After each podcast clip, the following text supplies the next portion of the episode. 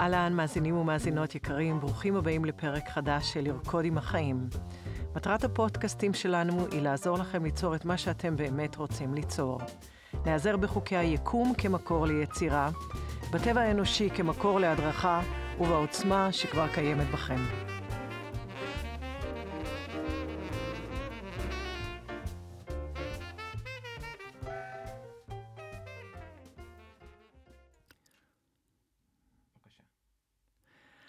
תמי נורה, מורה רוחנית 30 שנה בארץ ובעולם, ותלמידה של החיים המופלאים כל יום.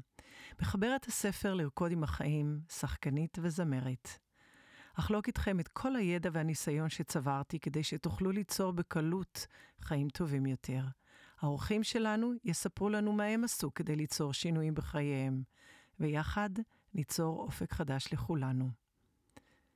בחלק הראשון נלמד ונתחקר נושא מסוים. בחלק השני נתרגל אותו. תרגלו, תרגלו, אך לא בנהיגה.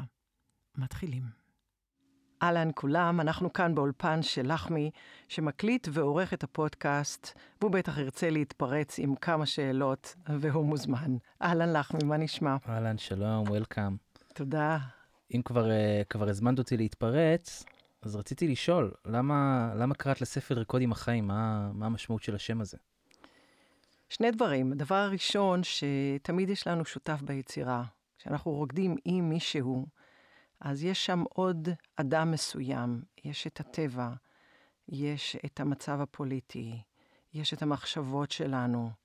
יש תמיד מישהו, אנחנו אף פעם לא יוצרים לבד, וחלקים רבים לנו, מחשבות, רגשות, מודע, תת-מודע, פעולות, עולם פנימי, ואנחנו כל הזמן צריכים להתחשב בהם, אנחנו צריכים להבין אותם.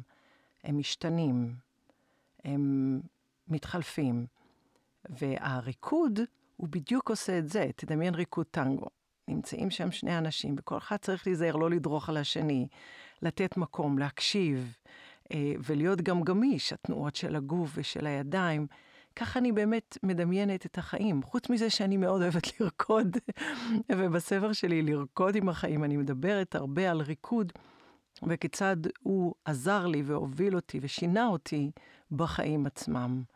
וזה משמח, ולכן אה, לרקוד עם החיים. מעניין. ומה המשמעות של שותף ביצירה? אני יכול להבין שותף לריקוד, אבל מה זה שותף ביצירה?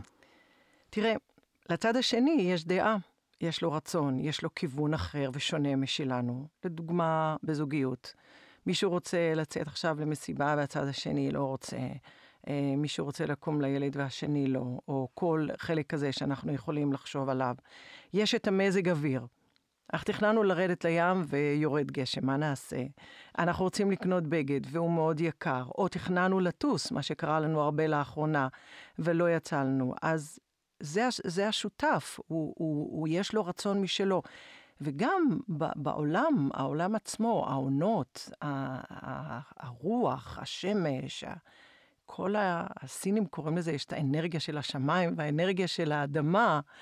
כאילו, יש לנו כל כך הרבה שותפים, לכן בתקופות מסוימות קל לנו יותר, ימים מסוימים קל לנו יותר, ואנחנו צריכים להתחשב בזה ולא להיות קשים עם עצמנו. לפעמים אנחנו לא מצליחים לעשות משהו. צריכים לנסות לעשות כמיטב יכולתנו, אבל לא להיות יהירים ולחשוב שוואו, אני יודע, וואי, יש לי כסף, וואי, אני חזק, אני עוצמתי, אין בעיה, אני הולך לעשות את זה. זה גם מביא איזושהי צניעות בתוך העולם הזה, כבוד לחיים, לאנשים. לכל מצב שקיים. וכל זה בתוך המשפט הזה, אבל הוא בעצם שזור אה, בכל הספר שלי, לרקוד עם החיים, שיצא לפני חודש, ואני מאוד מתרגשת ממנו, ושמחה אחרי הרבה שנים של יצירה, הרבה שנים של ריקוד עם הספר עצמו. כתבתי אותו, וכבר עשו עליו עריכה לפני 4-5 שנים, והוא לא מצא חן בעיניי, והרגשתי שהוא לא שלם. והתחלתי ריקוד חדש עם הספר. אז כל זה בתוך החיים שלנו, ואנחנו כל הזמן יוצרים. מכוס קפה לזוגיות, לעסק, לרוגע, לרצון להיות בריאים. זה נמצא שם אה, כל הזמן. עכשיו, יש לנו גם את השותף הזה, שהוא המחשבות שלנו והרצונות שלנו. יש איזשהו פער כשאנחנו יוצאים ליצור, וזה כל הסיפור פה בעצם, לחמי. יש, אנחנו יוצאים עם רצון למשהו, ואנחנו רוצים, נגיד, אה, לכתוב איזשהו שיר, אנחנו רוצים זוגיות, אנחנו יוצאים לפעולה, יש לנו רצון, יוצאים לפעולה, ואז יש מכשול. יש פער בין הרצונות שלנו לבין היכולת שלנו לממש אותם. וזה גם השותף שלנו ביצירה. יש את הרצון שלי, ויש לי נגיד מחשבות של שליליות, פחדים, אני לא אוכל, אני לא מסוגלת, אני לא שווה מספיק, אה, זה לא במגיע לי של החיים. ופה הטנגו, פה הריקוד עם החיים הכי משמעותי, כי אנחנו עם עצמנו כל הזמן, ורק את עצמנו אנחנו יכולים לתקן. אנחנו לא יכולים לתקן את הגשם או את הצד השני, וזה לא מתוך גדולת נפש. זה פשוט אנחנו לא יכולים. הכבוד הזה, גם לחלקים הרבים בתוכנו, ובמקום לכעוס על עצמנו, אולי להבין כמה החיים האלה מופלאים, וכמה אנחנו מורכבים במופלאות שלנו, כל זה ייתן לנו אפילו פתח יותר גדול להתחיל ליצור את מה שאנחנו רוצים, במקום לכעוס וביקורת, ואז הוספנו עוד מכשולים ועוד כעס, והתרחקנו מהיצירה שלנו, וכבר אין לנו כוח, כבר לא בא לנו, ואנחנו אפילו לא יודעים להגיד למה. זה מה שבעצם אני עושה בעבודה שלי, אני מלמדת אנשים ליצור, ולכן גם כתבתי את הספר בכדי שהוא יהיה נגיש להרבה אנשים, והוא ספר פרקטי שיש בו תרגילים ואפילו שני אה, ברקודים של תרגילים live, בכדי שנוכל להבין את מה שאני מבינה, ואני כל כך שמחה לחלוק את זה, כי זה באמת אפשרי, אפשרי לקדם את זה. אז אנחנו קודם כל צריכים לדעת שתמיד יש פה שניים. עכשיו, זה לא סוד, העולם דואלי, הכל הוא מינימום שניים. אבל ניקח רק את עצמנו, נת... נטפל רק בעצמנו ונבין כמה יש בתוכנו, כמה קונפליקט, כמה טנגואים בין המודע לתת-מודע. בין המחשבה לרגש, בין הרצון לחוסר חשק, ל"אני לא שווה מספיק". כל זה נמצא שם, בתוך הדואליות הזאת. והמטרה היא בסוף להיות מסוגלים לרקוד עם כל החלקים האלה, וזה בעצם לרקוד עם החיים. תשובה ארוכה, אבל מובנת. מתי כן הצלחת? מתי הצלחת לרקוד עם החיים? תראה, הרבה פעמים לא הצלחתי. אה, לאורך השנים הבנתי שאני לא יכולה לשנות את הצד השני. אי אפשר, זה לא יצליח לי לשנות את הצד השני. אני אצטרך לעשות את השינוי בעצמי. אבל עוד לפני שהבנתי את הדבר הזה, ובגלל שלא הבנתי אותו יצאתי למסע חיפוש, בעצם לא הצלחתי בהרבה דברים. אני אתן דוגמה, כשהייתי בצבא וחיילת ומאוד רציתי להיות פקידה פלוגתית, ככה, הייתה תקופה שגם נשים היו פייטריות, יש גם היום האמת, ושלחו אותי למשהו כמו הקריה, לשלישות, לאיזה משהו, ואיזה חבר אמר לי, וואי, אני יודע, מחפשים פלוגה, אה, פקידה פלוגתית, נראה לי שזה היה, קודם כל זה היה בשריון בטוח, ותקשיבי, המפקד הזה, הוא ממש זקוק למישהי, הנה הטלפון שלו, והידיד הזה שלי, אה, פגש, נפגשנו ביום שישי במסיבה, והיה לי את הטלפון של המפקד, ויכולתי, הוא יכל למשוך אותי מהשלישות ולהביא אותי להיות פקידה פלוגתית, ואני לא התקשרתי אליו. הסיפור הזה מאוד חרוט לי, כי אני, אני יודעת מה הרגשתי אז. אני הרגשתי שאני לא שווה מספיק. אני לא האמנתי שהוא יסכים לקחת אותי. זה לא ישב עם האמונות שלי בעצמי. הטנגו הזה, בין הרצון שלי להיות ולעשות ולתרום ולהיות פייטרית ובשטח ולדאוג לחיילים הלוחמים היה כל כך חזק, אבל האמונה שלי בראש הייתה שאני לא שווה מספיק. האמונה לא הייתה חופפת לרצון, וזה לא היה קשור ללהיות פקידה פלוגתית או לא, זה היה קשור לדעתי עליי כבן אדם, שאני לא שווה מספיק. וזה לא מגיע לי אולי, שגם את זה אפשר אולי להוסיף. וזה מקום שהיא דוגמה מאוד מאוד מאוד ברורה, שלא ידעתי לרקוד את הטנגו, ולא הבנתי מה אני עושה. לימים הבנתי את זה, כי זה נשאר לי צרוב מאוד, הסיפור הזה, שהמתנה הייתה שם לידי ולא פתחתי אותה. אז אלה דוגמאות, יש עוד דוגמאות אחרות, נגיד שלא התקבל, לא התקבלתי לבתי ספר למשחק בארץ. ודווקא כן בניו יורק, אחרי כמה שנים, ולמדתי עם מוטה אגן, שהיא נחשבת המורה הגדולה, לפחות אה, עד עשור או שניים, ועדיין לומדים את הספר שלה, שזה גם, אפשר להגיד, מאוד מוזר. מה היה פה? מה היה חסר פה? קודם כל, הלכתי לאודישנים בארץ בלי להיות מוכנה. שהלכתי לאודישן בניו יורק, זה כבר למדתי שנה, הכנתי את עצמי לאודישן, שזה גם עוד טנגו, שצריך להיות בין הרצון שלי לבין הפעולות שלי. ולא היה לי את הפעולות האלה. וגם, אה, כאילו, גיל 20, צבא, גיל 21, אני הולכת לעשות אודישנים לבתי ספר בארץ אה, למשחק. אה, לא גדלתי להבין שאני שווה יותר.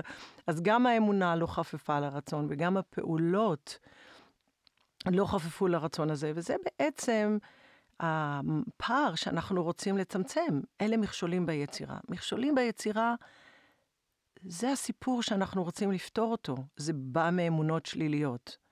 וכשאנחנו מבינים את האמונות השליליות שלנו, הרבה יותר קל לנו לפוגג אותם. יש תרגילים ספציפיים, קלים, כל התרגילים שלי, משהו בין חמש לשש דקות, הם עובדים, מבוססים על חוקי היקום, ואנחנו יכולים לפוגג את זה, לפוגג את המכשולים, את המעצורים. אמונה כזאת שלילית, כמו שאני מספרת על הסיפורים שלי, הם מכשולים ענקיים. זו דעתי עליי, זה לא... אני לא יודעת לשחק כדורגל. זה פעולה שאני יודעת לשחק אה, קלפים או כדורסל. זה דעתי עליי, וזה הטנגו הכי חשוב. וההבנה כמה אנחנו שווים וכמה אנחנו מופלאים. והפוקוס שלי בעבודה היא מה אנחנו כן, מה אנחנו יכולים להשתמש עם מה שכן יש לי. אם יש לי זרע אחד או גלעין אחד, אני יכולה שיהיה לי פה מטע שלם, פרדס שלם. אבל אם אנחנו לא מזהים את זה, ולא יודעים את זה, ולא מצליחים לראות את זה, נורא קשה לנו בחיים. זה מין פעולה כירורגית כזאת, והיא לא מסובכת בכלל. מה, מה הדבר הכי חשוב שהתחלת ליישם? Uh, הדבר הכי חשוב, שזה היה בעצם בניו יורק, בתקופה בניו יורק גם uh, למדתי את אומנויות הבמה, משחק, שירה, פסנתר, ריקוד, אפרופו לרקוד עם החיים. אמ, וגם למדתי את העולם הרוחני, שם התחילה מין תנועה כזאת של למידה רוחנית, והכרתי אנשים שהתעסקו ברוחניות, והבן זוג שלי ואני למדנו וקראנו באנגלית, לא היו ספרים בעברית עדיין אפילו.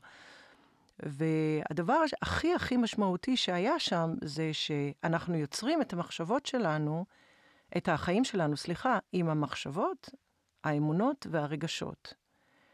וזה היה קטע, אני חייבת לחלוק פה איזשהו סיפור קצר שהוא כל כך משמעותי. הדבר הזה מאוד uh, הרתיח אותי. אני יצרתי את החיים שלי? מה, אני יכולתי ליצור את זה שאני לא אתקבל לבתי ספר, או שאני אחיה ככה, או שיהיו לי הורים כאלה, או חוויות כאלה, או במדינה כזאת, או... לא יכולתי לקבל את זה. הייתה פה ממש התקוממות, ואני זוכרת רגע... אה, בדירה בניו יורק, שאני ממש אה, באיזשהו דו-שיח אה, כועס עם הבן זוג שלי, לא עליו, אלא על הנושא. ואמר לי, את יוצרת הכל, גם אם את לא עושה משהו בהיעדרות הפעולה, אז, וגם אם את לא יודעת, זה תפקידך לדעת, ו-90 אחוז או 95 אחוז מהמחשבות שלנו הם בתת מודע, וזה גם אחריותי. ואז באיזשהו רגע נפל לי האסימון. זה ממש היה נורא מהר, זה היה מין התלהמות מאוד גדולה, והאנרגיה הזאת התהפכה, או הפכתי אותה מרוב חיפוש למקום של הבנתי. זה באחריותי, אין בעיה. מהיום אני יוצרת את החיים שלי. לא משנה כמה זמן זה ייקח, וזה לוקח, ואני עדיין בנתיב, אני כבר מורה רוחנית 30 שנה, וזה לוקח, והגדילה ממשיכה, והיא נהדרת, והחיים נהיים קלים יותר וברורים יותר, אפשר לעשות עוד דברים. ברגע שהסכמתי להבין שיצירת החיים היא האחריות שלי, זה לא עונש, זאת מתנה. והמתנה היא, כל עוד שאני מוכנה לקחת אחריות על החיים שלי וליהנות מהם, אז אני מתחילה ליצור אותם. אז המשפט הזה, המחשבות והאמונות והרגשות יוצרים את המציאות, זה משהו שתחקרתי כמה עשורים. וכל פעם הבנתי עוד רובד של זה, ועוד רובד של זה. ואנחנו צריכים לחשוב על המחשבות שלנו, אנחנו צריכים לדעת מה אנחנו חושבים. מה אנחנו בעצם רוצים בכדי שנוכל להתחיל ליצור. אז איך, איך בעצם אני יכול להיעזר במחשבות וברגשות שלי, ליצור את, ה, את החיים שלי ואת החלומות שלי? אוקיי. בואו נעשה פה קצת סדר. אנחנו מדברים פה על נושא מאוד חשוב. אנחנו כולנו יודעים שמחשבה יוצרת מציאות, ואני רוצה לומר, מחשבה לבד לא יוצרת מציאות. זה נכון שמחשבה היא זרע יצירה, והאנרגיה של מחשבה היא עשויה מאותו חומר שנמצא בעולם שיוצר את הכל. הוא חומר בלתי נראה, אז קצת קשה לנו לתפוס את זה. אבל מחשבה לבד לא יוצרת. אבל היא שמה אותי על הנתיב. כאילו, היא אומרת לי, איילון דרום, איילון צפון. אז אני, בנתיב הזה, ברגע שעליתי על איילון דרום, אני לא אגיע לחיפה. זה ברור. ולהפך, אני לא אגיע לבאר שבע. אז היא שמה אותי על הנתיב, אבל היא לבד לא מספיקה, אני צריכה לנהוג, לעצור ברמזורים, אולי לעצור לשתות קפה. יש פה עוד פעולות ועוד רגשות, אתה מתעצבן שאתה בטראפיק, יש פה עולם שלם שקורה. אז המחשבה היא ראשית היצירה, היא הזרע הראשוני, והוא מאוד חשוב, אבל הוא לא עובד לבד. אנחנו רוצים, רגע, אני אעשה פה כמה הבהרות. מה זה בעצם אמונה? מחשבה שחוזרת על עצמה שוב ושוב, זאת אמונה. זאת אומרת, אם הייתה לי מחשבה שאני לא שווה מספיק, לא, אחר כך כבר האמנתי לה, זה כבר הייתה אמונה. זה לא משהו שאפילו חשבתי עליו בזמנו, בטח לא הייתי מודעת אליה, פשוט פעלתי מתוכה. החזרתיות הזאת גורמת למחשבה להיות אמונה, וזה קורה נורא מהר. מדענים אומרים לנו שתוך 24 שעות שחשבנו מחשבה שוב ושוב, היא הפכה להיות אוטומטית בתוך המוח שלנו. אה, בפן החיובי של זה, אנחנו משתמשים בזה כמנטרות, וגם לזה נגיע. עוד דבר, מחשבה ואמונה, או רק מחשבה, בעצם תוביל אותנו לרגש. זאת אומרת, שאם אני חושבת שאני נוסעת לחו"ל, יש לי הרגשה טובה. אם אה, אומרים לי שהטיסה בוטלה, אז אני מתבאסת. זאת אומרת, יש לי, אה, אה, בצורה ישירה, המחשבה שלי תוביל לרגש. זאת אומרת שיש לנו פה עוד אלמנט. זאת אומרת, המחשבה, האמונה והרגש מתחילים לפעול, ואם הם מסונכרנים, אז הם או שעובדים לטובתי מצוין, כי הם מסונכרנים טוב, ואם המחשבה היא שלילית, אז הם עובדים מצוין רק לרעתי. זאת אומרת, אנחנו צריכים לבחור מה אנחנו חושבים. זאת אומרת שאנחנו בכלל צריכים להיות מודעים לזה שאנחנו לא המחשבות שלנו. אנחנו יכולים להתבונן בהם. אני יודעת שכל משפט שאני אומרת הוא מאוד עמוק, אנחנו נטפל בהכל, אבל היום אני רוצה שאנחנו ניקח בצורה מתומצתת את ההבנה הזאת של המחשבות שלנו יוצרות את המציאות ומה אנחנו כבר יכולים לעשות, וגם יהיה לנו אה, תכף תרגיל. אז מחשבה שחוזרת על עצמה אמונה, מחשבה ואמונה יובילו אותנו לרגש, אז נשאר לנו בעצם לטפל במחשבה שלנו. ואז השאלה הראשונה שאנחנו צריכים לשאול את עצמנו, אוקיי, מה אני רוצה? אם אני רוצה ליצור משהו, ואנחנו כל הזמן רוצים ליצור, אנחנו כל הזמן במצב של התרחבות והתאבות, בדיוק כמו החיים. השגנו משהו, אנחנו רוצים עוד משהו. זה לא מתוך גריד, זה לא מתוך שבן אדם הוא רעב מדי למשהו. יש רצון לגדול ולהתפתח ולחוות את החיים. וברגע שהחלטנו שאנחנו רוצים משהו, לא משנה, זה יכול להיות זוגיות, זה יכול להיות עסק, זה יכול להיות ריפוי, זה יכול להיות בן אדם אה, אה, שרוצה לגדול למודעות גבוהה יותר, הוא צריך שיהיו לו כמה דברים, ובדרך כלל זה ארבעה דברים מאוד מאוד בסיסיים. אחד, צריך שתהיה לו מחשבה בלתי מעוררת. בואו ניקח בן אדם שרוצה להחלים, שיש לו כאבים. הוא צריך מחשבה בלתי מעוררת, זאת אומרת שאי אפשר שיהיה שם ספק, אני חייב להחלים. והוא צריך שלא תהיה מחשבה הפוכה או מחשבה מנוגדת, זאת אומרת, אני רוצה להחלים, אבל אני לא בטוח שאלוהים רוצה שאני אחלים. אני רוצה להחלים, אבל אני לא החלמתי פעם שעברה. אני רוצה להחלים, אבל למה שאני אחלים? אני רוצה להחלים, אבל עוד לא עבר מספיק זמן, ואני בעצם עוד לא מחלים, כי אין לנו סבלנות, במיוחד שיש לנו כאב, אפשר להבין את זה. אבל יש כבר פה מחשבה הפוכה. זאת אומרת, כתבתי, מחקתי, כתבתי, אני רוצה, אבל אני פוחדת, כתבתי, מחקתי. זאת אומרת שעוד לא הצלחתי להטביע בתוך המוח שלי את מה שאני בכלל רוצה. אז אנחנו רוצים גם שהמחשבה תהיה ללא ספק, וגם שלא תהיה הפוכה, ואנחנו רוצים להיות בפוקוס. עכשיו, פוקוס זה גם עולם בפני עצמו, וגם לזה יש הרבה תרגילים, ואנחנו חושבים, מדמיינים בפוקוס ונשארים לאורך זמן. מה זה אורך זמן? מינימום שתי דקות. ושתי דקות זה קשה לנו להחזיק מחשבה לאורך זמן. מגיע לי, מגיע לי, מגיע לטוס, מגיע לטוס, מגיע לי להחלים, מגיע לי זוגיות טובה, מגיע לי אה, שהעסק שלי יצליח, מגיע לי... השתי דקות מתחיל לקרות איזשהו שינוי ביקום. אז יש לנו, זה הדבר הראשון, שיש לנו, זה המחשבות, אנחנו רוצים לארגן אותן, שהן תלכנה לאותו כיוון של מה שאני כן רוצה. כי בדרך כלל אנחנו אומרים, אלוהים, אני לא רוצה להיות חולה, אתה יכול בבקשה לעזור לי לא להיות חולה. ואז אנחנו ממשיכים להיות חולים, אז אומרים, מה, אלוהים, אתה לא הבנת שאני לא רוצה להיות חולה? אה, יש יקום שהוא שומע רטט, והרטט הוא אני לא רוצה להיות חולה, ושומעים חולה, ואנחנו רוצים להתמקד במה אנחנו כן רוצים. אז המחשבה היא מה אני כן רוצה, ונשאר שם. זה דבר אחד. דבר שני, אנחנו רוצים להוסיף רגש. עכשיו, איך שהתחלנו כבר להיות בפוקוס ובמחשבה בלתי מעוררת ונשארנו לאורך זמן, בום, הרגש כבר נכנס לשם בלי בכלל להניד עפעף.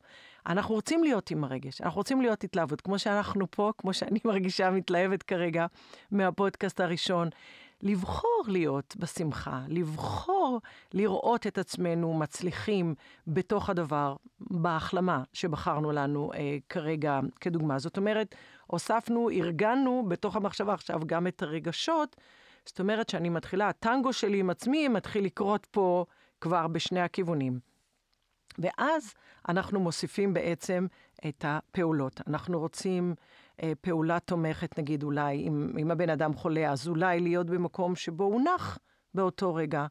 אה, לקחת אולי איזושהי תרופה, אולי צמחים, אולי תה מסוים, אה, אולי הוא בעצם לא דיבר עם מישהו והוא היה אמור לסגור איזושהי אה, פינה בכעס שלו, והוא לא הביע את עצמו, והוא כל הזמן חוזר למחשבות האלה. אולי הוא רוצה להביע את זה, וזה פעולות. זאת אומרת, זה הדבר השלישי. יש לנו מחשבה, רגש, פעולה, והדבר הרביעי, אנחנו רוצים להוסיף את אנרגיית החיים. את העולם הפנימי, את הרוח, את האני הגבוה. עכשיו, כשיש לנו את ארבעת הדברים האלה, אנחנו הופכים להיות יוצרים, ולא רק יצירה. אנחנו יצירה, יצרו אותנו, כל אחד ומה שהוא מאמין, באנרגיה הקוסמית, האלוהית, כל אחד מה שהוא מבין. עכשיו הפכנו להיות גם the creator, כאילו היוצר, ולא רק פסיביים.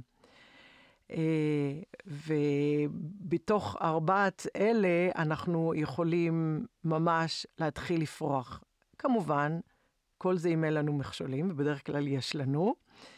אה, ובכל זה אפשר לטפל, גם במכשולים. אנחנו צריכים להבין את העיקרון הזה. אם אני אסכם את זה לרגע, אנחנו צריכים מחשבות, רגשות, פעולות ואת אנרגיית החיים, אם אנחנו יודעים להשתמש בה, לעזור לנו ללכת לכיוון אחד ולהישאר שם לאורך זמן.